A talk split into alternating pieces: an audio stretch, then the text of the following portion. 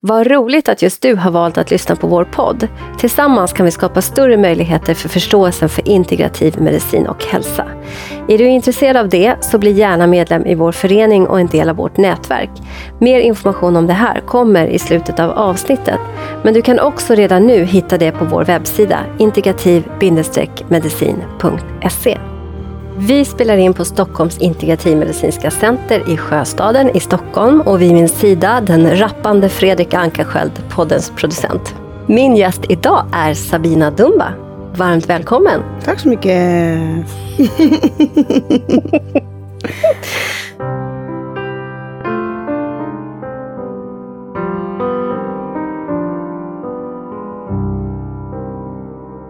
Sabina, jag tänkte att vi skulle börja med att bara rama in dig och mig. Vi gör ju det, vi har gjort det. Vi har känt varandra ganska länge nu. Mm. När träffades vi första gången? 2018? 18. Mm, 2018 var det. Skönt att vi är överens. Mm. Om det också. Ja, men bra. Men 2018. Mm, 2018, då träffades vi. Mm. Och, och då, innan vi liksom går in i det här, så vill jag säga att då kom du till mig som patient. Mm.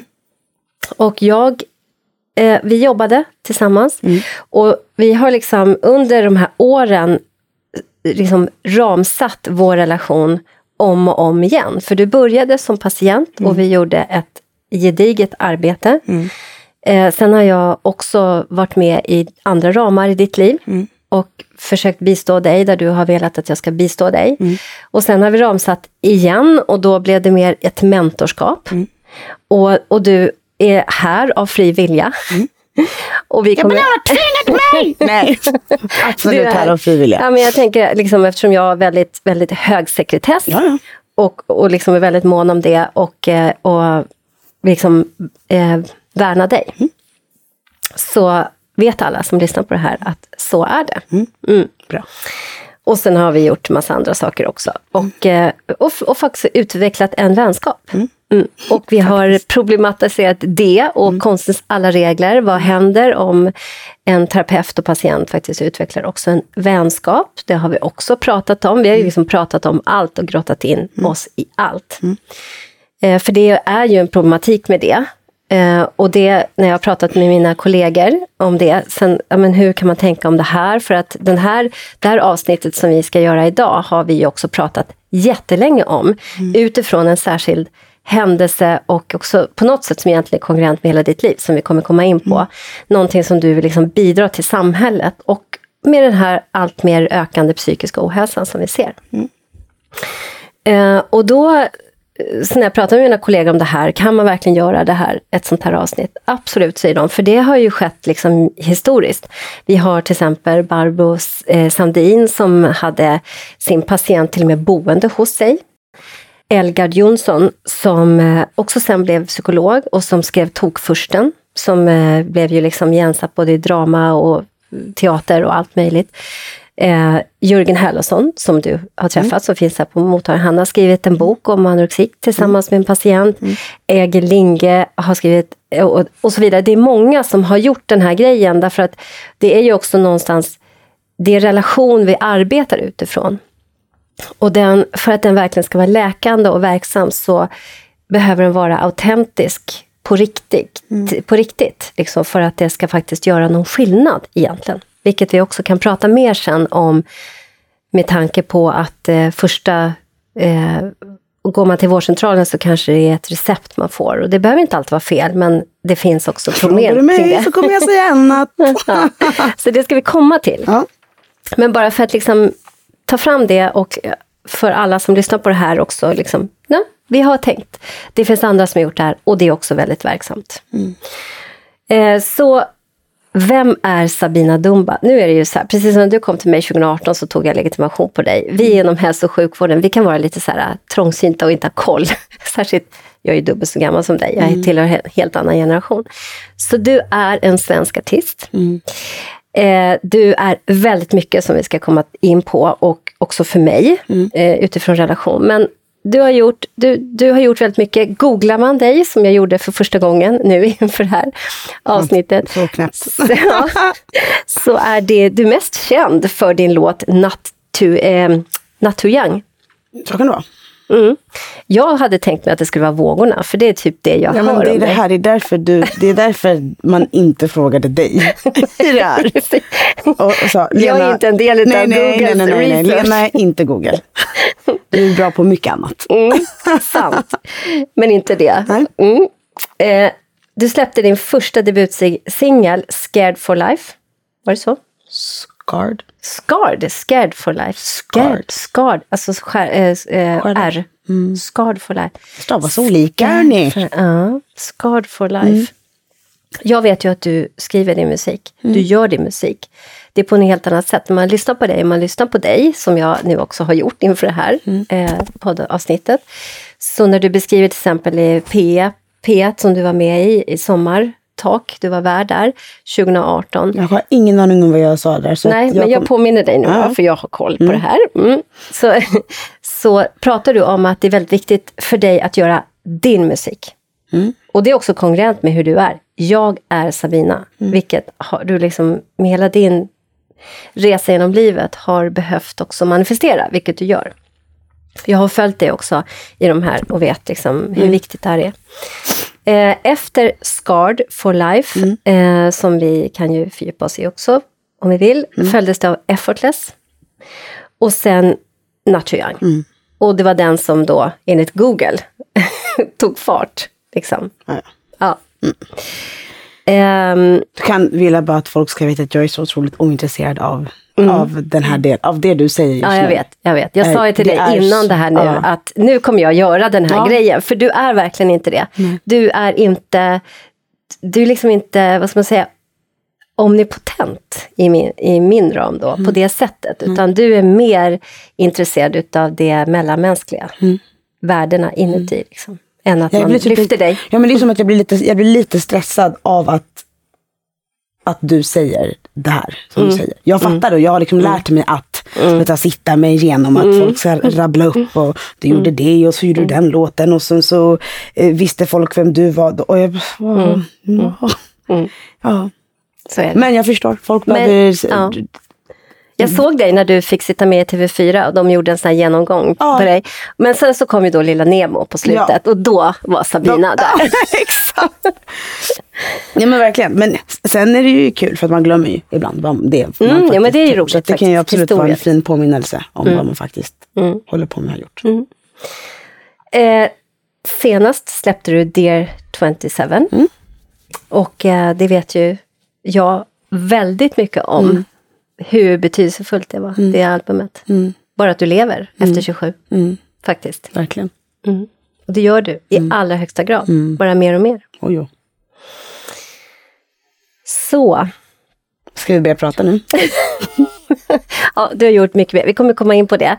Så, alltså, för mig då, som jag Mm. sa, är du så himla mycket mer. Du är en människa med otroligt stort hjärta. Du vill mötas på riktigt. Du vill ha sanna, autentiska samtal. Mm. Och du är liksom på djupet intresserad Mm. utav andra människors liksom, historia. Du är också på djupet intresserad av att förstå vad hände mig? Mm. Vad hände dig? Varför är det på det här sättet? Och kan vi prata om det? Så det är liksom det som jag tänker att vi ska prata om idag. Och, och hela idén till, som sen kom att bli det här samtalet som vi har nu, var ju utifrån en händelse utav en av dina vänner som eh, åkte till vårdcentralen. och Mådde jätte... Vill du berätta själv om det? Nej, men alltså, jag kommer väl inte ihåg exakt vad det var som hände. Jag minns väl mer vad jag kände än, Mm, än händelsen. Liksom. Men eh, hon hade åkt till vårdcentralen och inte blivit eh, väl bemött. Ehm, det jag minns av det var att hon... Jag vet inte, det känns bara som att när man, när man liksom är i den positionen där man säger okej men nu, vill jag, nu tar jag mig till vårdcentralen.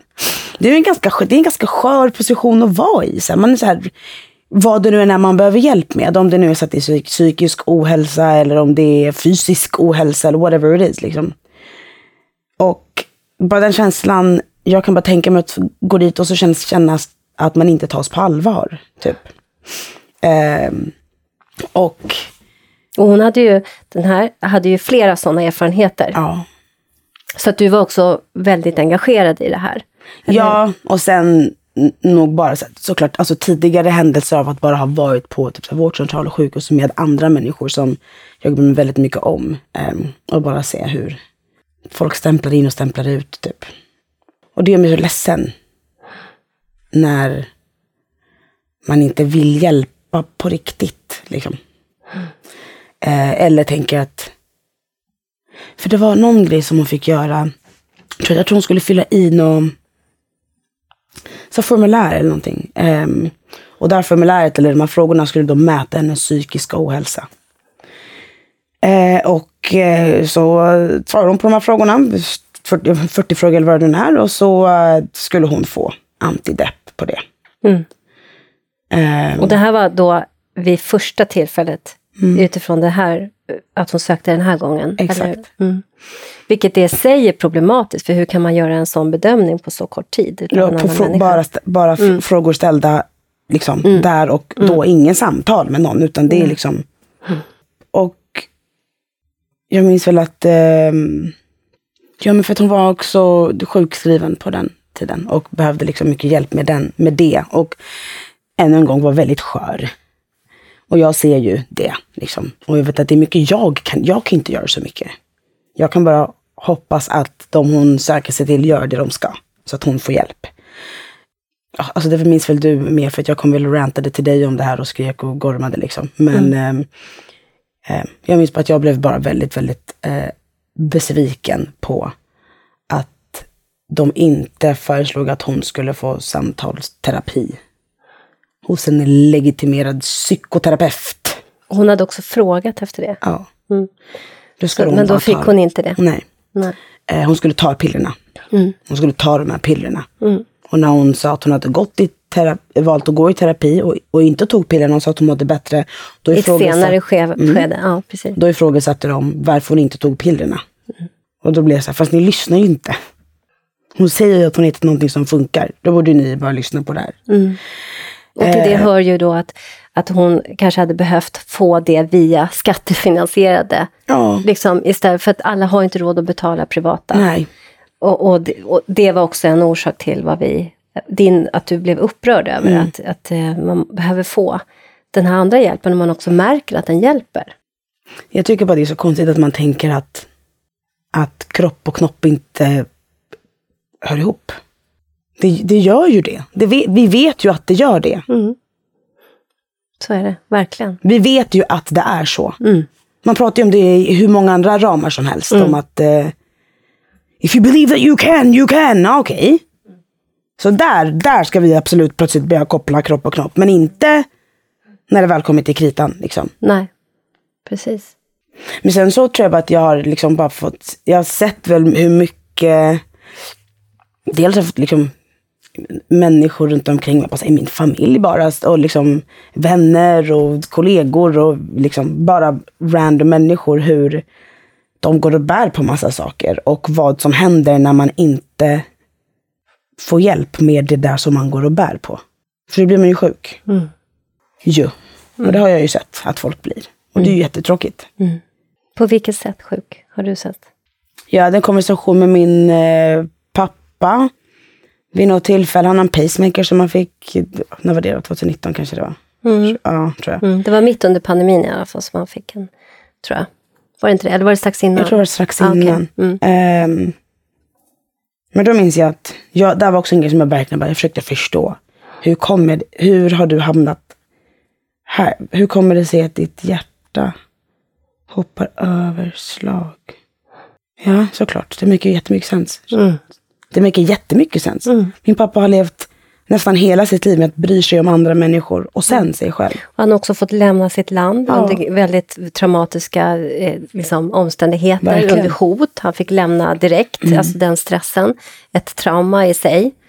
Men och sen också bara komma till Sverige och direkt börja ta hand om andra mm. människor än sig själv. Han fick inte bearbeta det traumat. Eller, det. Utan det var bara så här, så! Mm. Det var det, nu är mm. jag stark liksom. Mm. Eh, och så har han varit det när vi pratade om det så var det väldigt tydligt både för mig och honom att, att nu behöver du en pacemaker för ditt hjärta behöver hjälp att slå för dig. Mm, just det. så vackert symboliskt sätt. Och det, precis innan, innan vi träffas nu så har också en traumaläkare, Björn Ogeus, varit här. Och vi pratade precis om det med eh, en jättestor studie som du och jag också har pratat om, ACE-studien, Adverse Childhood Experience, där man visar, som är ju en jättestor, omfattande, ganska gammal studie nu, men borde liksom ha blivit implementerad på ett annat sätt, där man ser att om man har trauman, också barn, nu vet inte jag det om din pappa, om han har det som barn, det jag vet ju vad som händer sen, men att, om man, att de här traumorna ger ju ger som påverkar på kroppen att vi faktiskt blir sjuka, precis som du säger. Vi blir det, det har vi också vetenskapligt liksom säkerställt sedan lång tid tillbaka. Och särskilt om vi inte får bearbeta det, därför att då lever stressen kvar i kroppen. Och Björn Ogeus han, han formulerade det så fint att vi behöver liksom tillsammans med annan sätta ord på och försonas och släppa det som har varit för då släpper också stressen i kroppen och vi kan gå vidare. Så att ett stressat hjärta, om man har levt med ett stressat hjärta, ett stresspåslag, eh, och din pappa till exempel då som vi pratar om nu, han har ju också tagit hand om dig och alla dina syskon. Nu vet jag, du har sju syskon, eh, som liksom han har, har tagit hand om, ensam, med jobb och allt vad vi, alltså sju, Nej, men förstår jag, åtta jag, barn. jag klagar över min hund. Ja, precis. Så, Ja. Det är liksom, så att, ja, verkligen. Mm.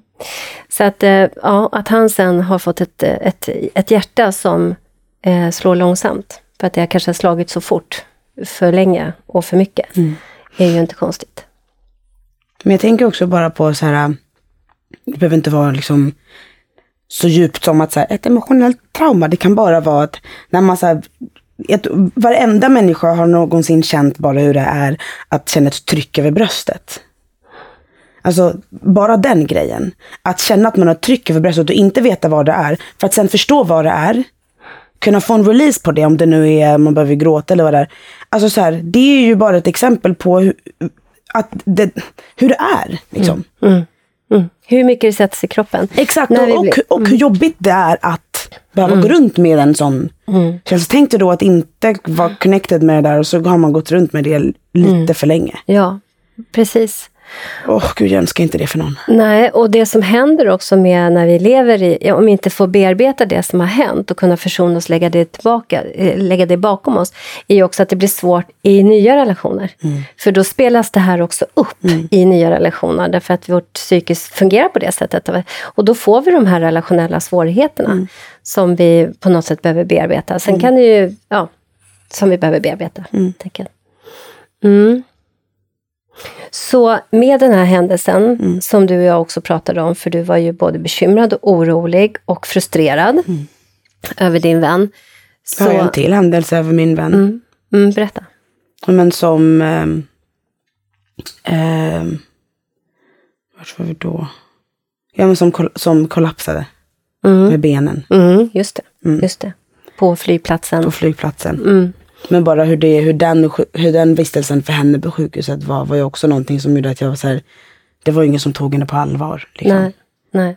Allt ifrån bara att få, Och det var ju en stressreaktion. ja, En allvarlig stressreaktion Ja. där hennes ben inte längre, hon, hon kunde inte gå längre. nej, Så att, och, och hamna på sjukhus. ja, Och um, sen fick hon hjälp. Via dig, faktiskt. Ja, som var via dig. Ja. ja, men hon... Ja, jag känner här personen skitbra. nej men, nej, men, eh, nej, men, för, men för att det är så, okay, men jag, jag själv känner att det, det känns som att, för jag minns att jag pratade med henne i telefon när hon är på sjukhuset och jag hör hur hon håller på fram och tillbaka och det vill ha massa saker av dem, vill röntgen hit, du behöver det här, det här, det här, de vill inte riktigt ge henne det eller jag har så ont, jag behöver morfin. Ja men det är så, ja, ska du verkligen ha morfin? Det kan vara lite, du vet, och så börjar de bara bli väldigt fördomsfulla bara för att de tittar på en person och tänker massa saker om hur hon skulle reagera på vissa grejer. Men då känner jag bara så vet du, det, åh. det känns inte som att det är det du ska göra just nu. Som att du ska stå där och så här, fight for your life by arguing. Liksom att tjafsa dig till hjälpen. Utan just nu behöver du bara få komma någonstans där någon kan ta emot dig och klappa dig med och så hjälp, hjälpa dig. Liksom. Och då var ju den personen som hon gick till bäst att gå till. Liksom. Eh, för att också förstå att det är inte bara att benen inte funkar. Det här handlar så mycket om massa andra saker. Liksom Ja. hur energier och emotionella Sa man hur de liksom, och bara så mycket. Så Mm. Nej, men det mycket var väldigt, väldigt tydligt där. Och jag tänker också att under de här åren som vi har känt varandra så har ju också det varit jättemycket på tapeten. Och du är ju också i din bransch där det också pratas om den här psykiska ohälsan som bara skenar. Eh, och i din generation och nedåt eh, också i min generation och uppåt, i allas. Men att det liksom är högst adekvat att prata och fundera på vad är det egentligen som händer. Och där ändå, jag såg en, en glimt idag så här, som, jag inte, som jag egentligen hade tänkt kolla upp hur pass mycket den stämde. Men vi kan ha det lite så här att där det stod att förskrivningen till unga människor har ökat senaste åren, eller året, jag vill inte säga året för det känns makabert, men åren då, med 190 procent. Vad, förlåt, vad betyder det du precis sa? Uh, nej, alltså att förskrivning av SSRI, antidepressiva, Ah, ah, har, ah. förlåt jag missade säga det, men alltså förskrivningen utav de läkemedlen Mm. har, eh, har alltså ökat med 190 procent till unga människor. Och då, det är ju inte de unga som det är fel på, det är någonting annat som pågår, det vill säga miljön runt omkring. Och, då, och, och det här har ju du och jag haft som ett samtal.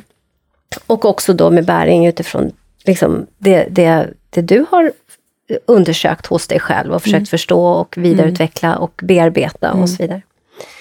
Så, um, så det, det är ju det är någonting viktigt. Alltså, det är någonting viktigt med det här och vad behövs då Ja, göras? ver- Verkligen. Och det handlar ju inte om att man, som, som du sa innan, alltså, det handlar ju inte om att inta de här läkemedlen. Det handlar om att kombinera det med annat. Just det. Det handlar om balans. För läkemedel behövs. Ja, för det handlar så här, Och så, Absolut, liksom för att kanske ta sig upp. För att orka ta tag i. ja, För att jag förstår känslan av att inte palla. 100 procent. Vilja kasta in handduken, absolut. Men sen måste man ta sig upp. så är det. Och det gör man inte själv alltid. Nej, Utan då behöver man någon som räcker ut handen, drar upp en därifrån. verkligen. Nej, men det, ja, nej, det är verkligen någonting som gör, gör mig knäpp många gånger. Så utifrån den här händelsen i alla fall så kom du till mig och så sa du så här, Lena, jag vill, göra, jag vill bidra på något sätt. Jag vill göra någonting kring om jag kan göra någonting.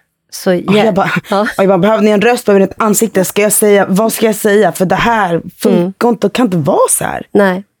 Och så då med, med också din egen erfarenhet. Så, och då funderade vi fram och tillbaka och olika forum och så vidare. Som, och sen så kom ju pandemin mitt upp i allt det här. Eller det pågick när det här pågick samtidigt. Så det var ju inte så. Men nu sitter vi här idag. Så då tänkte vi så här, då var, var det ju också så här att det var en liten Netflix-serie som var Studs, om, där det faktiskt var en, en patient som, eh, som har gjort en dokumentär, en jätte, jättefin dokumentär om sin En terapeut. patient som är så känd. Ja. Känner du honom? Vet du vad han heter? känner honom Nej, kan men jag du känner, men Han känner är du- ju en, det är ju en amerikansk skådespel. Eh, Det är en person, en patient, man bara, vi behöver inte prata så. Det är Jonah Hill. Ja, han just heter det, Jonah är Hill. Ja, det är bra att du har koll på. Ehm, Nej men gud, jag tyckte den var så fin och det var så så bra att den, eller det är så bra att den finns för att livet, det är, alltså livet är ju inte så här så här, du kommer till världen så har du en mamma och pappa och så är det alltid så här och sen så går det, här, det går inte att säga. Det går inte att säga hur det är. Det finns inga rätt eller fel. Jo, det finns det såklart. Det är klart det finns det, men ni fattar vad jag menar när jag säger så. Att så här, Ja, jag växte upp och har ingen relation med min mamma. Alltså det, det finns, livet konstigt. Du hade relation med din mamma Nej, det kan jag inte säga. en bit upp innan Nej. hon... Jag tänker ändå att du har minnen med din mamma. Ja, men det är en relation. Nej, så kanske inte är. Men du, du, hon var i alla fall där då och då i ditt liv. Ibland. Mm. Vilket, varför jag pekar på det är för att det gör, när hon sen försvinner, det är mycket värre. Absolut, 100 procent. Men jag tycker inte att det är en... Nej. Åh, nu håller vi på så här igen. Men jag tycker inte att det är... Jag kan inte säga att jag har haft en relation. Jag vet inte riktigt vad det är. Men jag menar bara att så här, det finns ju liksom... Och sen så... Det finns ju folk som har massa syskon som de inte har jättebra relation med. Men sen så skaffar de massa vänner som blir som syskon. Så att det, folk kommer in i ens liv och så tar, fyller de funktioner och ta roller som man inte tänkte. Liksom. Mm. Så. Eh, och där tycker jag att det blir väldigt tydligt i den här liksom, studs. Att så är det ju för dem också. Mm. Och Att så, lika mycket som patienten söker sig till, till liksom, psykoterapeuten för hjälp så gör ju patienten någonting för den här psykoterapeuten också. ja, Ju. ja, det är en relation. Ja. Mm. Och, och det är väl det också som eh, jag tänker med, dels så är ju det lite vår berättelse Mm. också. För att eh, varför det utvecklade sig på det sättet var ju för att jag blev sjuk.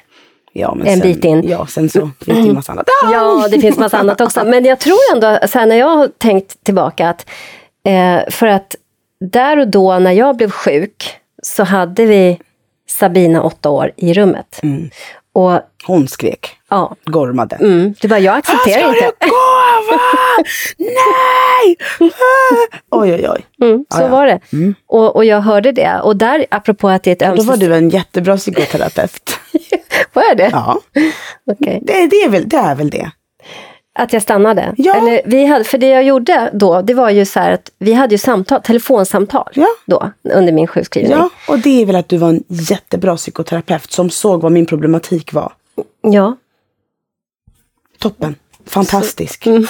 Nej, men Så- för, i, i första laget, sen blev ju det någonting annat. Liksom. Sen Ja. blev det att du blev... Nej, men så var det absolut. Jag gjorde Mm. en, en bedömning utav det här, att jag kan inte göra det här mot Sabina. Nej, för vad hade hänt då, Lena? Ja, men då, hade det, då hade jag traumatiserat dig. Då hade du blivit retraumatiserad där och då. Mm. Och då tror jag det här med psykoterapi hade nog inte blivit så bra för mig. Nej, så är det. Då hade jag nog inte sökt mig till någon annan igen. Nej, Eller nej, liksom. nej. Då hade jag varit fast där borta. Ja, nej men så hade det ju varit. Och det kände jag. Och apropå det här ömsesidiga som ändå är viktigt att belysa. För att jag tänker att det, det vi inte får om vi möter en doktor som jag är övertygad om också vill väl på en vårdcentral. Men som har tio minuter med sin patient och förskriver ett recept för att det här är vad jag kan göra för dig just nu. Och, och det kan faktiskt fungera.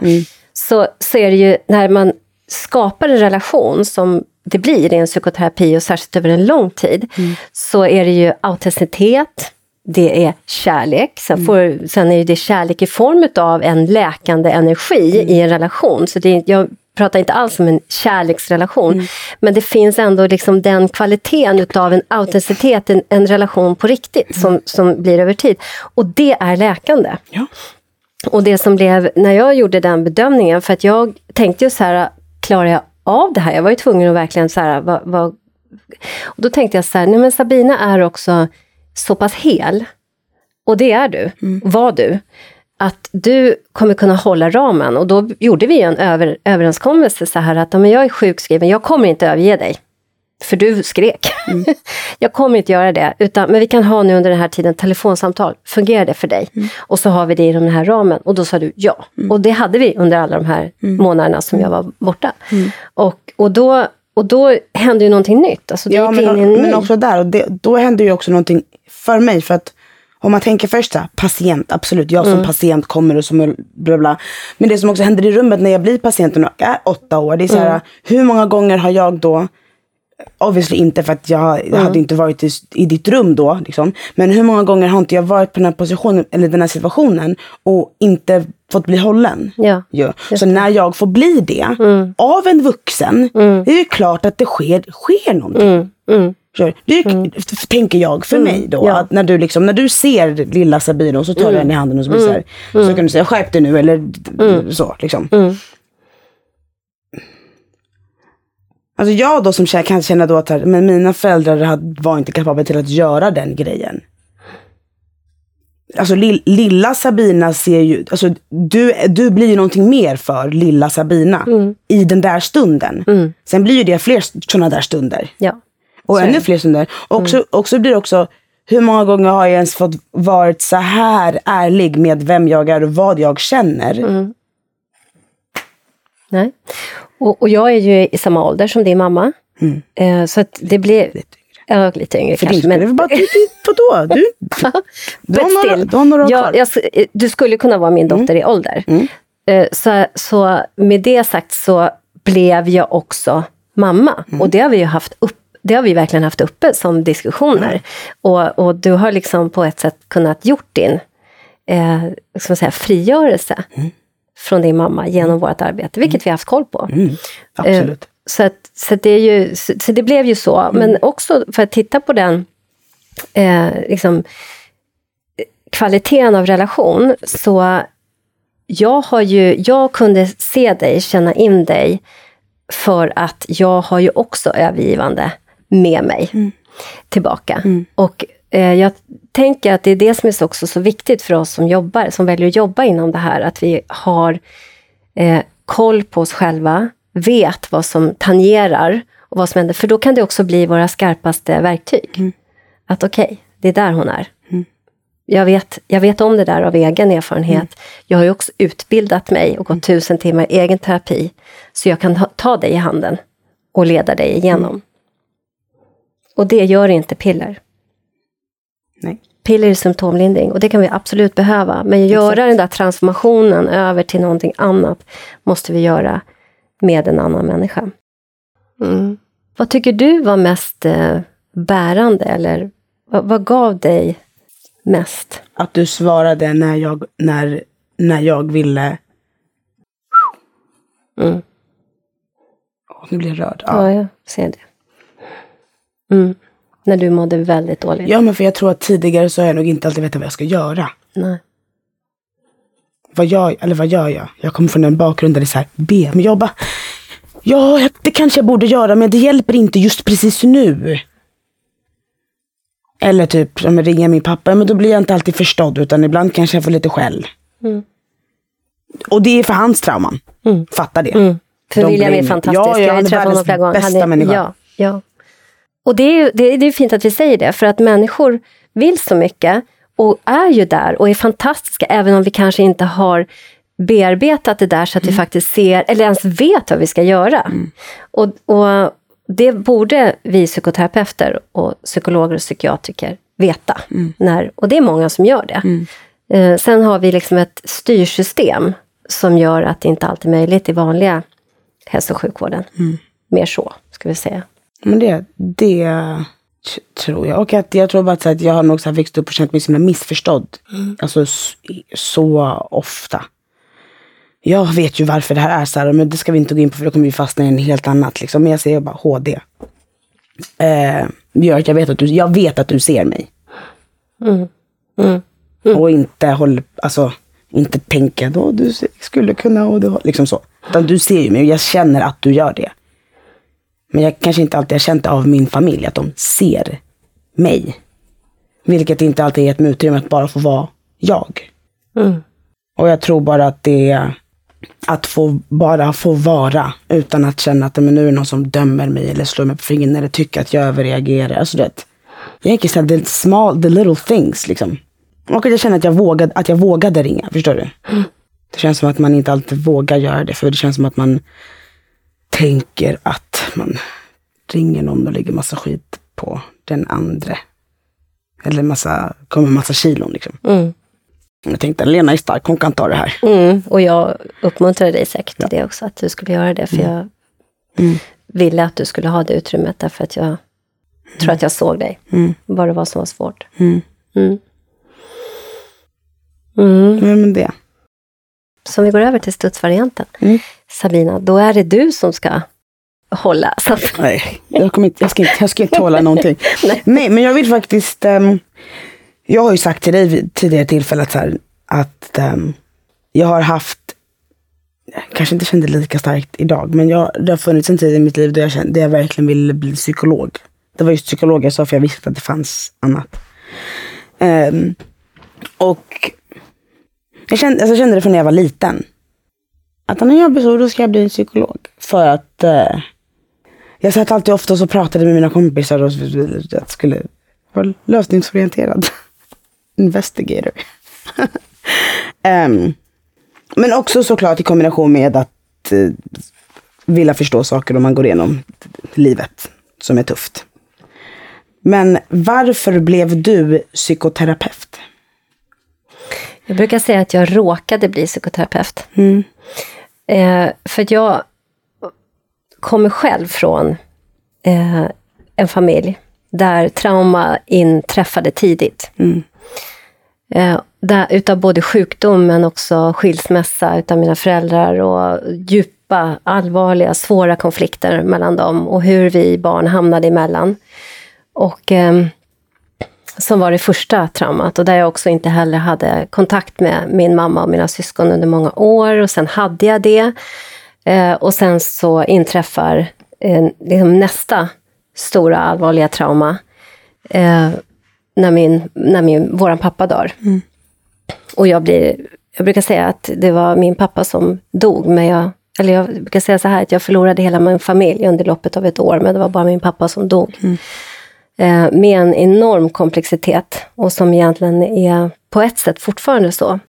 Och då så har jag på olika sätt, för jag var också sån här som du var, jag har liksom eh, pratat, försökt förstå. Eh, i, Men gick, ingen... du, gick du att prata med någon tidigt? Jag gick och pratade med någon, eller min pappa satte mig hos någon tidigt. Och vad är tidigt då? Ja, men då Ja, då tidigt, tidigt. Jag var 14 mm. första gången. Var det via skolan? För det, hade en... Nej, det var en privat faktiskt. Okay. Men hade, förlåt, det mm. låter som att det var stenåldern, men det var det inte. Men eh, skolkurator fanns väl då? Skolkurator fanns, bra att mm. du påminner mig. Jag gick själv och pratade hos en skolkurator ja. innan där. Mm. mm. Så att jag sökte samtalet. Mm. Liksom. Men om jag tittar så här nu när jag har hunnit bli 51 till och med och tittar tillbaka på så har ju liksom samtalet och intresset för den andres eh, händelser, intresset för mig själv, alltså i någon form av liksom ständig dynamisk eh, process, mm. eh, har liksom fascinerat mig. Det, det, har fascinerat mig och försökt förstå vad är det som händer för någonting. Men det, drivet har varit, som jag förstår senare, mm. mina egna trauman. Att på något sätt försöka förstå. Jag kommer ihåg att jag satt när jag jobbade som mentalskötare, för jag har liksom gått hela vägen. Så sitter jag med en patient och så så lyssnar jag på den här patienten och tänker jag så här, herregud, jag har ju lika mycket med mig som hen har. Hur kommer det sig? Att ni sitter att, på olika... Ja, olika ja varför sitter jag här? Mm. Och hen där? Mm. Och, mm. ja, och, då är liksom, och då tänker jag det är många saker. Mm. Det är liksom att jag, det, det, är många nycklar som jag har fått också. Eh, min, jag fick en hund när mina föräldrar skilde sig av min pappa till mm. exempel. En jätte, jättestor. Hon, var liksom, hon hade aldrig koppel på sig under hela mm. sitt liv för att hon var så nära mig hela tiden. Eh, apropå relation, mm. vi hade ju en fantastisk relation hon och jag. Liksom. Eh, men också liksom, ja, men jätte, jättemånga olika händelser som har gjort att jag också är ganska hel å ena sidan, men var väldigt, väldigt traumatiserad. Mm. Och det förstod jag liksom senare. Och, men har, du vet, lidandet är ju väldigt motiverande. Mm. Och jag hade väldigt stor för stress. Ja, för, jo. Mm. Så är det. det. Motivationen finns ju alltid, sen är det beroende på vart motivationen går. Liksom. Mm. Men, men eh, då försökte jag, eh, jag har försökt förstå och också förstå, hur kunde det hända min familj? Mm. Varför?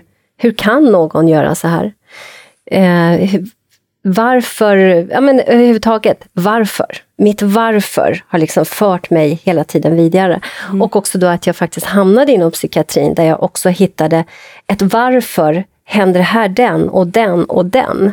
Och, och jag tror att jag har en väldigt djup människokärlek, eller kärlek till relation och samtal och eh, connection. Liksom.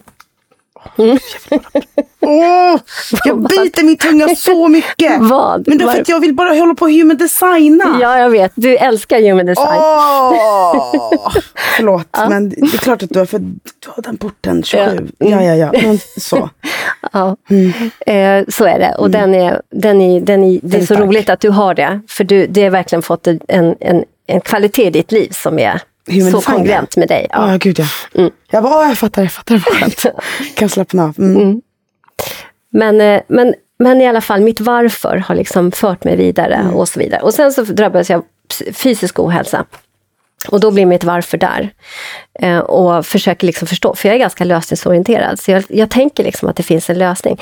Och det har också att göra med vet, det här som vi lär oss. Jung sa, vilket Jung sa, att allt före 40 är liksom investigation och trial and error. Eh, och jag kan verkligen se det för min egen del, att ja, men så har det verkligen varit. Jag liksom hamnat i olika, fått sjukdomar, fått lära mig och så vidare. Och efter 40 så börjar liksom ja, men få ihop cirkeln. Och så har det verkligen varit i mitt liv. Och, eh, och idag gör jag ju det som jag, jag älskar mitt arbete. För jag får vara liksom, hålla på mitt varför och vara MacGyver. Men jättelångt svar på din fråga. Jag råkade bli psykoterapeut för att förstå eh, varför. Så ska jag kunna säga. Och jag är jätteglad för det. För jag tycker verkligen att eh, det är bland det viktigaste som finns. Och i min praktik så, så försöker jag sy ihop det här med kropp och knopp hela tiden. Det här som du sa i början. Att, och det vet ju du. Att, eh, och har ju ett fantastiskt samarbete med alla, många olika professioner. Men också läkare. Och, och kiropraktorer och naprapater och Men det var därför jag sjukgymnaster. tyckte det var så bra att komma till dig från början. För att ni hade ju allting där. ja, dietister. Du var hos en dietist från början. Fantastiskt. Ja. Och där är, vi har ett samtal bort till annan kunnig pers- personal. Liksom. Toppen. Så, det- oko- så okomplicerat, jätteenkelt. Ja, det är faktiskt det. Det problemet är ju att vi alla är privatpraktiserande, så att vi kostar pengar. Ja, ja, men det är bara jobba, tjäna pengarna, lägg pengar på det här. Men alla borde egentligen ha det här. Och Ja. det är ju det som vi liksom jobbar för med integrativt. Att det, det är liksom, ja. Så var det svar på frågan? Absolut. Det är ju, eller så här, alltså det, det vet ju jag ju redan för att det finns ju mycket saker som vi redan har pratat om som jag vet om att ja fast hallå Lena, jag är ju, jag, det är ju så mycket grejer du säger som är jag. Ja, jo jag gör precis, precis liksom. Gud vad intressant, men okej då. Men jag ska vill säga där att, att eh, mitt eget varför utifrån mig själv har ju blivit att jag eh, har ju lärt mig väldigt mycket och har också läkt mig väldigt mycket. Och jag mötte symboldrama, som jag har utsatt dig för också, den metoden som jag tycker är fantastisk. Eh, där mötte jag för första gången människor som verkligen kunde trauma, mina lärare där. Och eh, i min utbildning så fick jag, man går ju i alla sådana metodutbildningar så går man ju en sån egen terapi också. För att, Och det var första gången som jag på riktigt förstod att jag själv var traumatiserad. Jag har inte fattat det innan. Och då har jag gått, liksom, eftersom jag då har hunnit, då går jag steg två-utbildning, så jag har hunnit gått ganska mycket psykoterapi innan. Och också kunde förstå varför inte KBT eller PDT, alltså psykodynamiskt eller KBT, ja visst, jag kunde tillgodogöra mig saker och ting, men det hjälpte inte på riktigt. Och eh, när min pappa dog så utvecklade jag också komplicerad sorg. Som jag liksom, som satt i kroppen. Och den, och den förstod, det, var, det är ju också ett trauma. Så att det var där som jag möter de här, eh, bland annat, men jag kan nämna många som helst egentligen. Eh, Marta Kullberg Weston och eh, Johanna Brynässon och ja, men jag, hur många som helst, som är så skickliga. Och där fick jag min första hjälp. Så det är inte, det är inte jättelångt bort, det är efter 40. Och då vet jag ju hur det är också att leva med ett på, alltså att ha en komplext PTSD, för det var den, den diagnos jag till slut fick.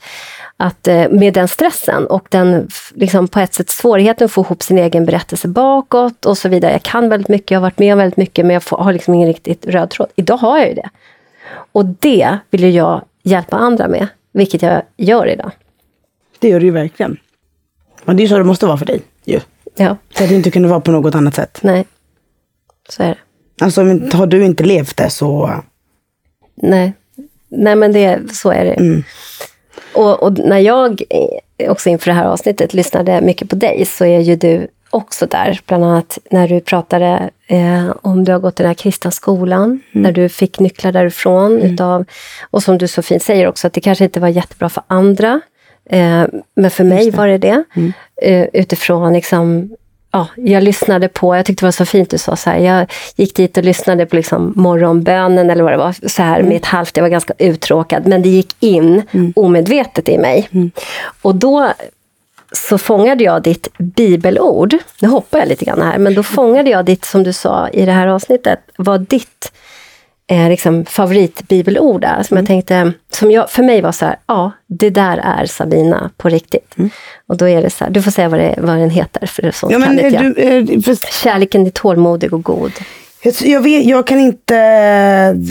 Jag kanske säger fel, men jag tror det är andra Korinthierbrevet 13 kapitel 13, vers 4 till någonting, men, och 7. Men Och då ska vi säga att du gick i en kristen skola. Ja, exakt. Vi hade, varför det här? Vi hade ju vi hade veckans bibelord Just som det. vi skulle lära oss. Det förstod jag. Jag tyckte det var det tråkigaste när jag var yngre såklart. Men eh, idag. Jag är väldigt tacksam över det. För att man kommer ihåg eh, Mm. väldigt bra saker. Så det där är absolut ett av de som har... Eh, Mm, och då ska jag läsa det. Men för mig blev det så när jag, när jag lyssnade på när du läste det här då i Sommar i P1. Var att jag tänker säkert att det finns människor där ute som kan tycka att du är bråkig och att du är liksom för på och du tar, kräver ansvar och du är liksom så här. Eh, därför att det gör du. ja, 100 procent. Ja. Så när du gör bara, ja, jag gör det. Ja, du gör det. Och du, Tyck att jag är jobbig då. Ja, ja men faktiskt. Men det de missar när man dömer dig utifrån någonting sånt är liksom det, det grunden till alltså Intentionen. intentionen. Och den tyckte jag kom i det här bibelordet. Kärleken är tålmodig, god och hänsynsfull. Aldrig misstänksam eller avundsjuk. Aldrig skrytsam eller stolt och aldrig överlägsen. Självisk eller fräck. Kärleken kräver inte att få sin vilja fram. Den är inte irriterad över andra, inte lättretad och den är, knapp, och den är knappast den lägger knappast märke till när andra handlar fel. Den är aldrig glad över orättvisan, men gläder sig när sanningen segrar. Och, och det som jag kände är så att men det är kärleken, det är ett varmt hjärta, det är en rak rygg, det är vänliga ögon, men som också vågar utmana. Och det för mig är väldigt mycket du. Och jag kan också ibland bli så här, jag vet inte ifall det är jag för att jag har haft med mig det sen jag var lite, alltså jag vet inte vilket håll eller så bara blir det båda hållen liksom. Men jag tänker, för mig är det ju det min kristna bakgrund har gett mig. Mm. Mm. Rather than att jag går till kyrkan varje söndag. Ja. Liksom. Så är det ju de här sakerna. Apropå trauma, eh, för du har ju liksom ett pågående trauma under hela din uppväxt. Eh, så har du en grund i den kristna skolan och den skolan var ju bra för dig. Eh, k- gjorde det, eh, så här ledande fråga, men vad gjorde det för dig? Alltså på vilket sätt hjälpte det dig att ha den här... För din pappa är ju också väldigt troende och pastor. Mm, men han va, var inte pastor när jag var liten. Han Nej. blev pastor sen. Aha, okej. mm. Så han blev, han blev kanske pastor när jag hade gått ut grundskolan. Typ när jag skulle börja gymnasiet. Mm. Eh, men jag tror att jag växte upp i Fisksätra. Vilket eh, när jag växte upp där så var det inte stökigt. Men det kanske någon annan tyckte. Men det var i alla fall väldigt mycket olika folk liksom, som bodde där. Det fanns absolut stökisar, det finns det ju överallt. Um, men folk som trodde på olika saker, hade olika religion. Um, och jag minns att jag, så alltså, jag gillade att jag fick ha liksom ena, en fot i vardera värld. Liksom. Och uppskattade att få komma till skolan, eller i efterhand har jag väl förstått att få komma till skolan och så här. Att bli påmind om att du är värdefull. För att vi läser, det, är vår, står i våra, det är liksom veckans bibelord. Mm. Att vi sjunger låtar som du vet väl om att du är värdefull, att du är viktig här och nu, att du är älskad för din egen skull, för ingen annan är som du. Så mycket sådana saker som hela tiden bekräftade någonstans för mig att jag är värdefull och att jag är älskad. Och man lärde sig mycket om att älska din nästa som du älskar dig själv. Och, ehm, så men jag trodde att det liksom t- det bara genomsyrade kärlek tror jag. Ehm, Som egentligen är Kristusbudskapet, är ju kärlek. Precis. Liksom. Mm. Men jag, jag tror att det... Och sen så liksom, vet inte, skolan gjorde ju att jag... Här, skolan kept me in check. Liksom. Hade, den satte ramar för mig, så det fanns ju vissa grejer jag inte gjorde. Men den liksom bara såg till att jag var safe. Genom att jag var liksom inte, en, jag var inte så vild när jag var yngre. Liksom. Och, och eh, på så sätt så tror jag bara att eh, jag hade allting som jag lärde mig i skolan hade jag alltid i bakhuvudet. Oavsett vad, vad jag än var så hade jag de sakerna vi hade lärt oss. Eh, hur vi förhöll oss till någon annan. Alltså, vet, när vi, innan en lektion så stod vi på led och vi tog hand och så neg vi när vi skulle hälsa. Så, här. så att de där grejerna sitter kvar. Jag gör fortfarande det när jag hälsar på folk. Liksom. Ehm, och jag har sagt att hade jag inte gått där så hade jag varit körd tror jag. Då tror jag att jag hade liksom, jag hade pyst ut massa. Där blev du hållen. Ja, men för där kunde jag gå ner till eh, skolkuratorn. Mm, du även, fast, även fast jag inte alltså, prat, det. Mm. ja, men det, jag pratade inte alltid varje gång. Nej. Ibland satt jag där och fick en pepparkaka. Mm. Och så sa jag bara att jag är ledsen idag. Men bara att jag fick, att det fanns något ställe där jag kunde göra det på. Liksom. Mm. Och att jag liksom, när jag väl kom hem från skolan så besökte jag någon kompis skola som var i Fisksätra. Och det var en, en helt annan grej. Helt annan energi. Lä- Vissa lärare ville ju absolut inte vara där. Alltså det, det var bara en, en helt annan energi. Så Du hade jag, ju också en fantastisk... Alltså du växte upp i Fisksätra och så som, du, du har ju tagit med mig dit så att jag har fått sett vad du har varit och lekt och... Ja. och, eh, och du, du beskriver bäst. liksom de här grillkvällarna och... det, var, det var så... Ja, så det var ju också en hållen plats, tänker jag. Att ni hade en väldigt samman, sammanhållning där, Mm. som eh, var viktig. Sen var det ju Sabina i skolan och Sabina privat, Mm. som jag förstår det. Liksom. Eh, men ändå. Mm.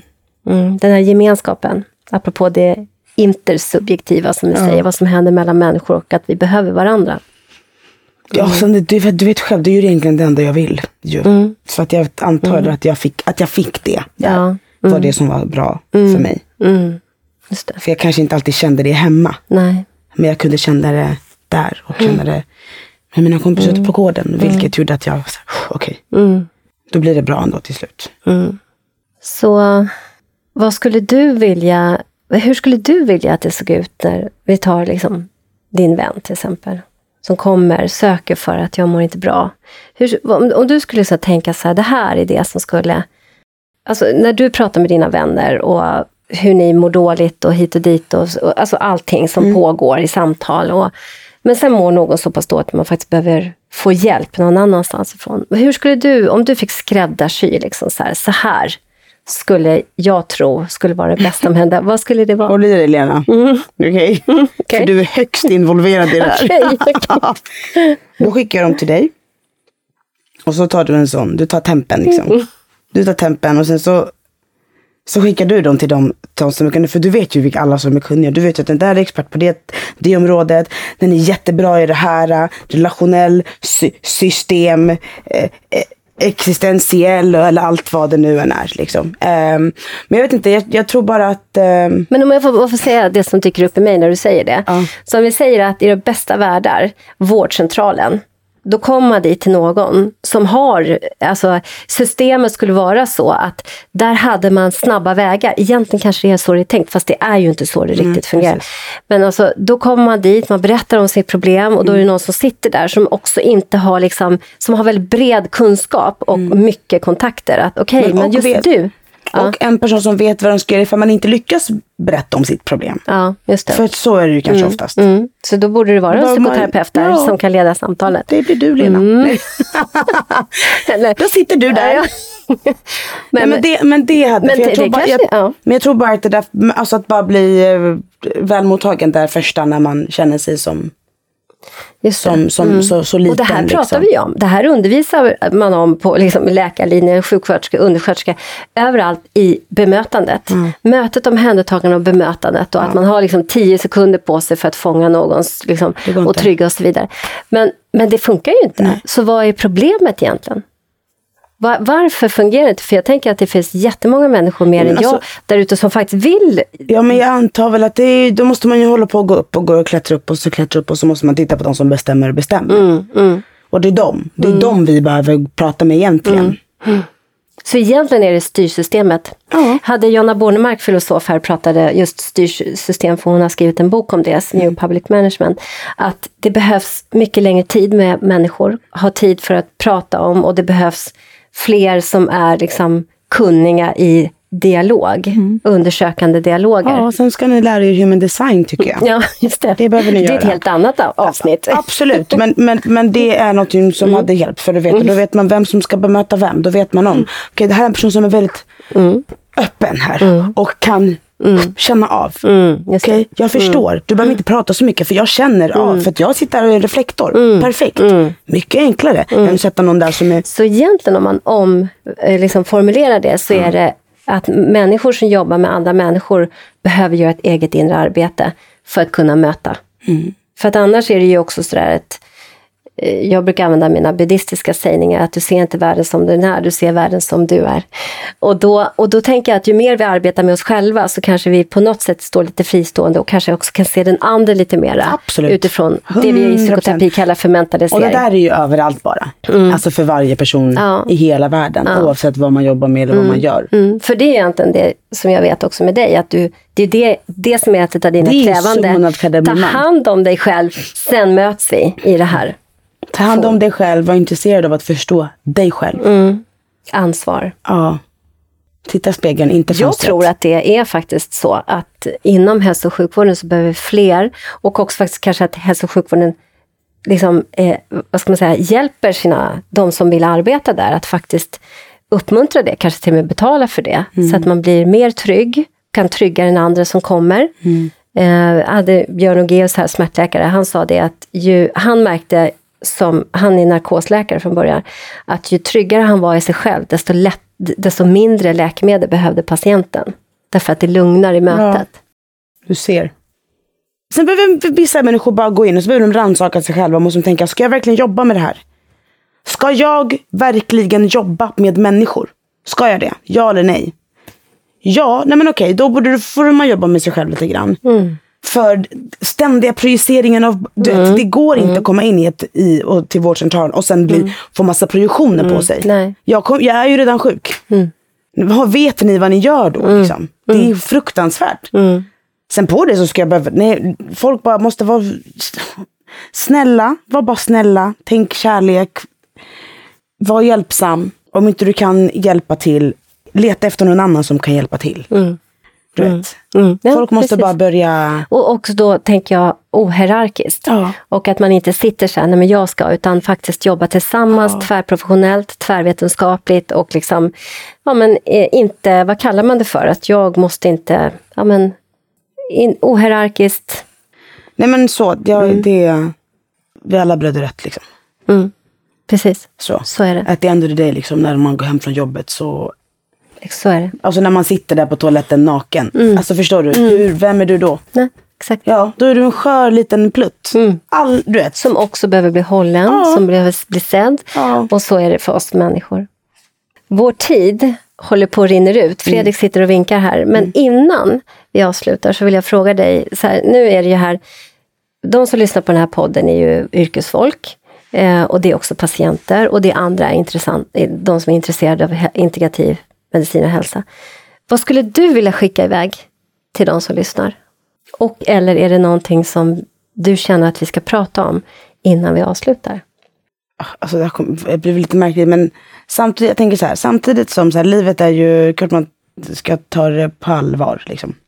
Men också, it's not that serious. Mm. Så känner jag. It's, not, it's not that deep. Nej. Du behöver leva här och Vi nu. behöver leva här nu, idag. Mm. Och, Och det där imorgon. gifter sig så himla bra med de samtal vi har haft om trauma. Därför att trauma genererar rädsla. Och när vi är rädda så är vi inte fria. Så att vi behöver liksom vända rädslan mot nyfikenhet.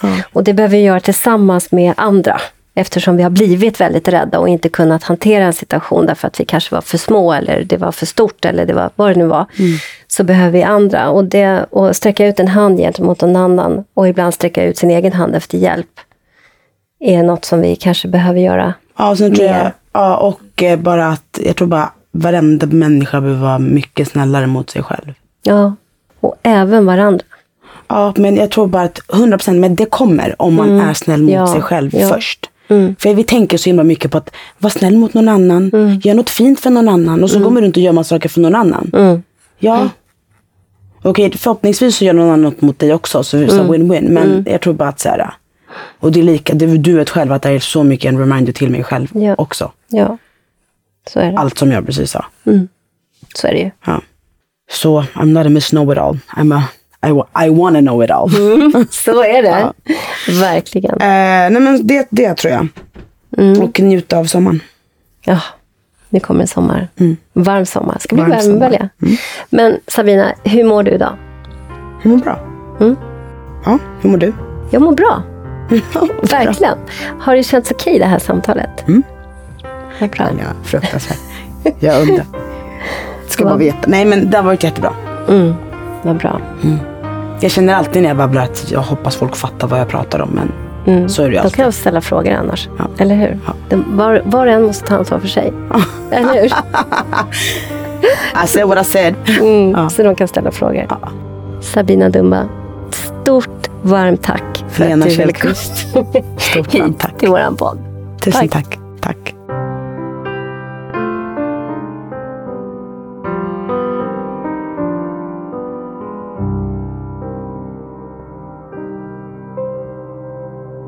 Både och istället för antingen eller, en podd om integrativ medicin och hälsa är skapad och drivs av Svensk förening för integrativ medicin, kallad FIM. FIM är ursprungligen en yrkesförening för legitimerad vårdpersonal som vill arbeta för integrativ medicin och hälsa i Sverige. Vi representerar sjuksköterskor, dietister, fysioterapeuter, läkare, psykoterapeuter, psykologer, tandläkare, för att nämna några. Och idag omfattas också våra medlemmar av associerade medlemmar som inte behöver vara legitimerade. Föreningens arbete vilar mot den vetenskapliga grund för integrativ medicin och hälsa som finns, såväl svensk som internationell, och på systemisk förståelse av människan i sin miljö. Vår förenings arbetssätt har hittills varit att arrangera konferenser, seminarier och folkbilda genom att sprida information via sociala medier. Vårt senaste tillskott är denna podd. Vår strävan inom integrativ medicin är att vara en organisation som vågar lyfta och ifrågasätta, motverka polariseringar genom tvärvetenskapliga dialoger och sokratiska samtalsregler. Vi vill kartlägga forskning som bedrivs även internationellt och hålla koll på aktuella forskningsresultat om behandlingsmetoder, både vad det gäller den etablerade vården liksom den vård som bedrivs utanför den etablerade vården. Sokratiska samtalsregler innefattas i den sokratiska samtalsformen som egentligen all grundläggande kunskap är sprungen ur, men som ibland till och med lyser med sin frånvaro i dagens public service. Så bli medlem, tillsammans kan vi förändra. Och hur du blir medlem hittar du via vår hemsida integrativ-medicin.se. Vi ses och hörs vid nästa avsnitt.